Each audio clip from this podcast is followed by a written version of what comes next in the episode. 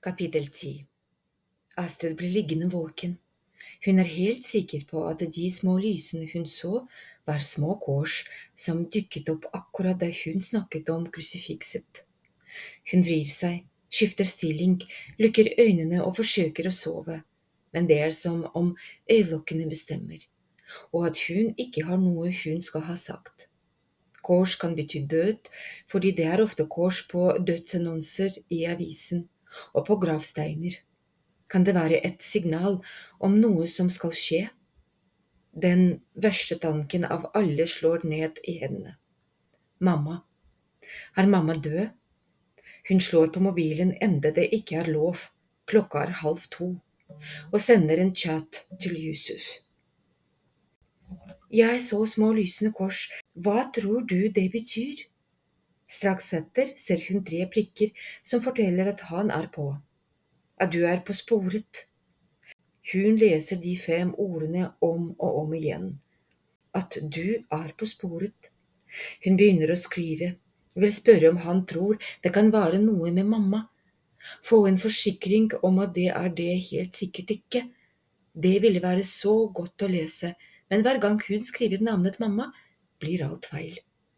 Det er som om fingrene ikke vil, som om noe inni henne allerede vet at dette ikke handler om mamma. Hvilket spor? Nå tar det litt lengre tid før prikkene dukker opp. Vi må jobbe mer med rebusen. Trøtt, glad i deg. Hun setter på et hjerte og skrur av. Hun tar Yusuf i hånda, sånn i tankene, og drar ham med seg inn i drømmene. Dagen etter våkner de til blå himmel. Astrid er supertrøtt, men tør ikke vise det. Hvis pappa oppdager at hun har brukt mobilen til langt over midnatt, vil han ta den, og da får hun ikke lov til å bruke den på minst et døgn, kanskje mer. Etter frokost kler de seg godt. Søs utruster dem. Søs utstyrer dem med termos med solbærtoddy julekake med geitost med en liten ryggsekk hver. Line kjører dem nesten helt fram, men de må gå det siste stykket til fots. Det er tungt og bratt, og de bruker litt i underkant av en halv time før de står ved inngangen til grotten. Hvor langt inn må vi? spør hun. Omtrent 150 meter, tror jeg, sier Egil. Kanskje litt mer. De finner fram hodelyktene. Emma vil gå først. Det var tross alt hennes forslag. Underlaget er ujevnt. Det er krevende å gå støtt fordi det er mørkt. Dessuten er det litt skummelt å gå så langt innover i en grotte. For tenk om Line har rett i at det er farlig. En av begrunnelsene til Line, som ikke ville at de skulle gå opp dit, var at det sist foregikk noen ras i vårløsningen men både pappa og farmor forsikret henne om at nå er det helt trygt. De lovte å holde seg til løypa og ikke gjøre noen sprell. Omsider er de helt inne i enden av grotten, og der er de, hieroglyfene. De er mellom fire og fem tusen år gamle, sier Emma, og peker mot veggen med dyrefigurene som er malt i en rødlig farge. Det skal være fem i alt, sier Egil. Dyret på den ene tegningen har horn. Eller kanskje det er lange ører. Astrid går helt bort og berører veggen. Det er helt vilt å tenke på at det har stått mennesker akkurat her hvor de står nå, for mange tusen år siden. Hvordan så de ut? Var de små? Hadde de blå øyne? Var det flere som malte, eller én utvalgt? Bodde de her i hullen? Et kort øyeblikk virket det som om noe stryker henne over kinnet, men det var helt sikkert innbilning. Hun rister av seg følelsen av at de ikke er alene, og dreier hodelykten mot neste tegning. Hva er de greiene helt til høyre, spør hun. Hvilke greier? Hun lyser mot noen røde vegmalerier lengst mot høyre. Det er ikke dyr, det er i hvert fall helt sikkert. Hun går nærmere. Det er veldig annerledes enn de andre, mye mer kantete og mye rødere. Da hun bøyer seg fram og snyser på den, lukter det svakt av maling. Den har fulgt litt utover, og hun er ganske sikker denne malingen er fra en sprayboks, og den er garantert ikke 4000 år gammel, kanskje ikke så mye som fire dager engang. Figuren ligner bokstaver. To bokstaver. En, en, eller ZZ, om man ser det fra siden. Var disse her da dere besøkte grotten med skolen? Både Emma og Egil rister på hodet så lyset fra hodeluktene flakker rundt i grotten. Dette har de aldri sett før. Garantert. De ble stående og se på hverandre. Hva skal de gjøre nå? De setter seg med ryggen inntil den motsatte veggen og haler opp matpakkene. Mens de spiser, stirrer de på de gamle tegningene og på den nye. Den er heldigvis ikke malt oppå de gamle, så den eller de som har gjort dette, var altså ikke ute etter å ødelegge selve hieroglyfene. Det styrker mistanken om at det er noe annet som ligger bak. I det samme høres en lyd, som om noen er på vei innover grotten. Astrid fryser på ryggen, de er ikke alene her.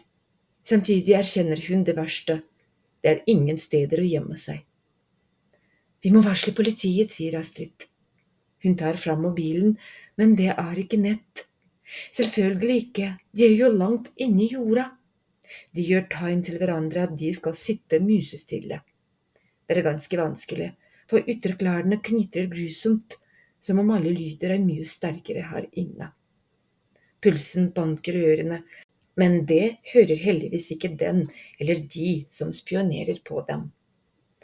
Kanskje det er en ulv, hvisker Emma. Astrid vet ikke hva som er verst, en ulv eller forbryteren som vender tilbake. Hvis det er gjerningsmannen og han er skikkelig sint på noen, hva skjer da? Vi kan prøve å skremme den, sier Emma, som tydeligvis har bestemt seg for at det er et dyr. De roper alt de kan, skriker så stemmene sprekker, venter. En stein raser et sted lenger ute. Der tier de brått. Det ville ikke være smart å utløse et ras her inne. Kanskje forbryteren har bestemt seg for å sperre oss inne, sier Egil. Da kommer vi til å dø. Nei da, sier Astrid fort. Nå går vi ut herfra, og på vei ut lyser vi etter røde spraybokser. Tenk om vi finner bevis? Det hjelper å tenke på etterforskningen. Hvis de finner bevis på vei ut, ville det helt sikkert være til stor hjelp for politiet. Hva om vi blir mistenkt, sier Egil. Og det ville være skikkelig kjipt om de tror at det er oss hvis vi kommer drassende med sprayboksene. Vi har ikke rød maling på oss, sier Astrid, og vi skal ikke ta på det vi finner. Ikke med votter engang. Dessuten vil undersøkelser vise at vi ikke har sprayet maling. De pakker ned nisten og termosen i en fei, og begynner å gå mens de lyser med lyktene i alle retninger på vei ut i hver krok og bak hver stein. Hun vet ikke hvor langt de har kommet mot åpningen, der lykta faller på et par kversteiner. De har hull i midten, og hun går helt bort. Der ser hun at det er noe ned i den ene. Hun lyser og klarer ikke å holde tilbake et rop. Det er en sprayboks! Egil og Emma kommer løpende til. Hva skal de gjøre nå? De må ikke røre den, for da kan de ødelegge spor, og i det samme angrer hun på at hun ropte høyt, for lydene de hørte, kunne være gjerningspersonen som var på vei tilbake for å hente den. Det er fortsatt ingen steder å gjemme seg, så nå haster det med å komme seg helt ut, for der kan ingen sperre dem inne. Men hvordan skal de få tatt med beviset uten å røre det? Først har de bildet som viser hvordan de ligger.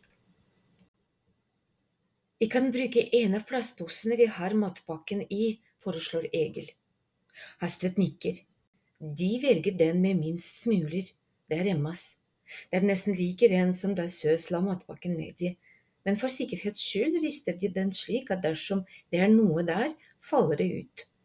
Det er utrolig plundrende å få opp boksen med plast og votter, men heldigvis finner Emma en plastskje nedi sekken sin og ved hjelp av den klarer de å få lirket boksen oppi. De legger alt nedi sekken til Astrid og fortsetter mot utgangen. Der de kommer ut, er det allerede begynt å mørkne, og de ringer hjem for å forsikre om at de er i god behold. Pappa lover å hente med en gang. Idet de begynner nedstigningen, faller lykta på noen spor i den våte jorda. Var disse sporene her i stad, spør Astrid. Ingen av dem er sikre. De var så ivrige på å komme seg opp og inn, men Astrid har en klar fornemmelse av at de lydene de hørte, kan ha sammenheng med sporene. Hun tar fram mobilen og tar bilde. Når vi kommer hjem, sammenligner vi disse sporene med dem vi fant utenfor kirken, sier hun. Jeg syns nemlig at de ligner. Engel peker videre forbi grotten. De fortsetter videre, sier han. Tenk om det er noen vi kjenner, sier Emma. Noen i klassen vår eller parallellklassen eller en lærer. Kanskje hvem det er nå står og følger med på oss akkurat nå og pønsker på hvordan han skal få tilbake sprayboksen, sier Egil. Der begynner de å løpe.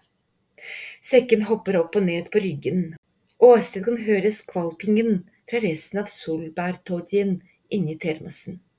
Dette blir noe å fortelle til Yusuf, nye bokstaver i kodemysteriet. Det må jo være mulig å finne ut hva bokstavene betyr.